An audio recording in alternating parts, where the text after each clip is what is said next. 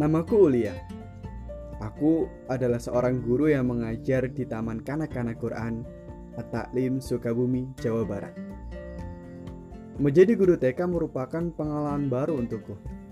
Ya, ini tahun pertamaku menjadi seorang guru. Luar biasanya, di tahun pertama ini aku dihadapkan dengan tantangan besar bernama COVID-19. Sejak Februari 2020 lalu, virus yang berasal dari Wuhan, Cina ini telah mewabah ke seluruh dunia hingga WHO menetapkan status pandemi. Sekejap kehidupan pun berubah. Interaksi dibatasi, kumpul-kumpul tak diperbolehkan lagi, dan segala sesuatu harus kami lakukan di rumah kami sendiri-sendiri. Terdengar sulit memang, apalagi buat kami guru-guru TK. Kami tidak bisa membayangkan ketika pembelajaran harus dilaksanakan secara daring. Mungkin untuk jenjangnya lebih tinggi seperti SD, SMP, SMA itu tidak menjadi masalah. Akan tetapi untuk anak-anak kami yang membaca dan menulis saja masih harus dituntun, bagaimana mungkin mereka dapat belajar hanya lewat handphone? Akhirnya kami harus memutar otak, berpikir bagaimana pembelajaran dapat berjalan dengan semestinya. Ide yang pertama muncul adalah berkamuflase menjadikan sekolah tidak seperti sekolah. Agar kegiatan belajar mengajar tidak mencolok, maka kami meminta siswa untuk tidak berseragam. Selayaknya murid-murid di Tega Futaba dalam anime Crayon Shinchan, mereka berangkat sekolah menggunakan pakaian sehari-hari. Jangan khawatir, protokol kesehatan tetap kami jalankan. Tapi yang namanya anak TK, ya begitu, susah diatur.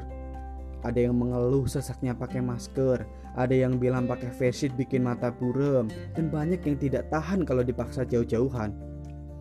Gak enak bu, kelasnya sepi, gak ada nyanyi-nyanyi. Begitu kira-kira keluh mereka. Akhirnya kelas dibuat rame sendiri. Meja yang sudah diatur berjauhan, didorong-dorong, digeser, dipindah seenaknya. Sebenarnya ada aktor di balik kerusuhan itu. Laili, ketua geng di kelas. Anaknya aktif banget, bahkan kelewat aktif. Sampai ibunya pun angkat tangan. Bagaimana tidak angkat tangan? Dari rumah sudah didandani, pakai masker dan segala macamnya. Baru 20 menit di kelas sudah hancur dandanannya.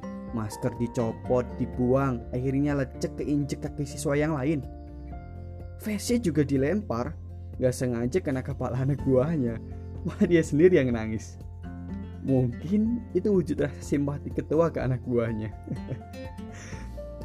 Yang paling ngeselin dari segudang kenakalannya adalah Laili sering meledek gurunya. Termasuk aku. Anak-anak, hari ini kita akan belajar doa sehari-hari ya. Ini kini, hari ini kita kini di sehari-hari ya. Siapa yang gak kesel coba? Udah disuruh baca sama nulis gak mau, giliran gurunya ngomong malah diledekin. Ya itu tantangan buatku sih. Mau nggak mau aku harus sabar. Ya gitulah. Um, selain sekolah dengan pakaian biasa solusi yang kami lakukan adalah melaksanakan pembelajaran di rumah.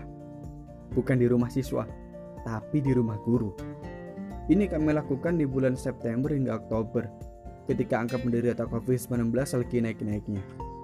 Butuh kesabaran hati memang, merelakan rumahnya penuh sesak dengan riuh tingkah pola siswa-siswa TK. Tapi, buat kami, mendengar celotehan mereka menjadi hiburan tersendiri.